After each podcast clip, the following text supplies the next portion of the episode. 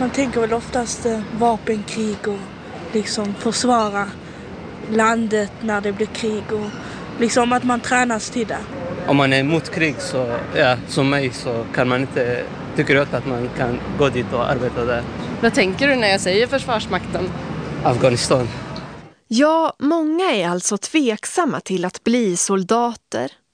Tidigare hade vi värnplikt i Sverige och det betydde att alla män var tvungna att utbilda sig till soldater eller till något annat inom försvaret. För tre år sedan tog politikerna bort värnplikten så nu väljer alla själva om de vill söka till militärutbildningen eller inte. Ingen är tvingad att göra den. Men försvaret har haft problem att hitta tillräckligt många unga som vill bli militärer. Därför har de gjort mycket reklam, till exempel i tidningar, på tv och i tunnelbanan i Stockholm. De senaste tre åren har deras reklam kostat mer än 350 miljoner kronor. Och det är mycket mer än vad försvaret satsade tidigare. Så här låter det i en av reklamfilmerna.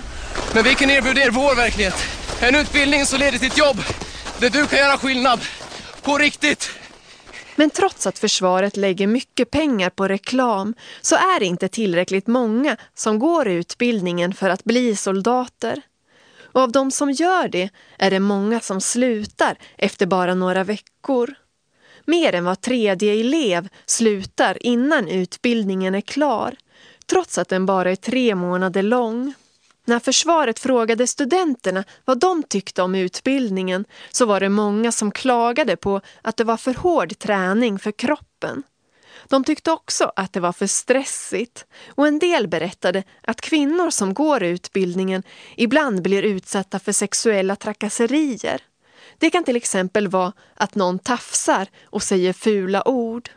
Nu ska försvaret göra utbildningen en vecka längre för att det ska bli mindre stressigt.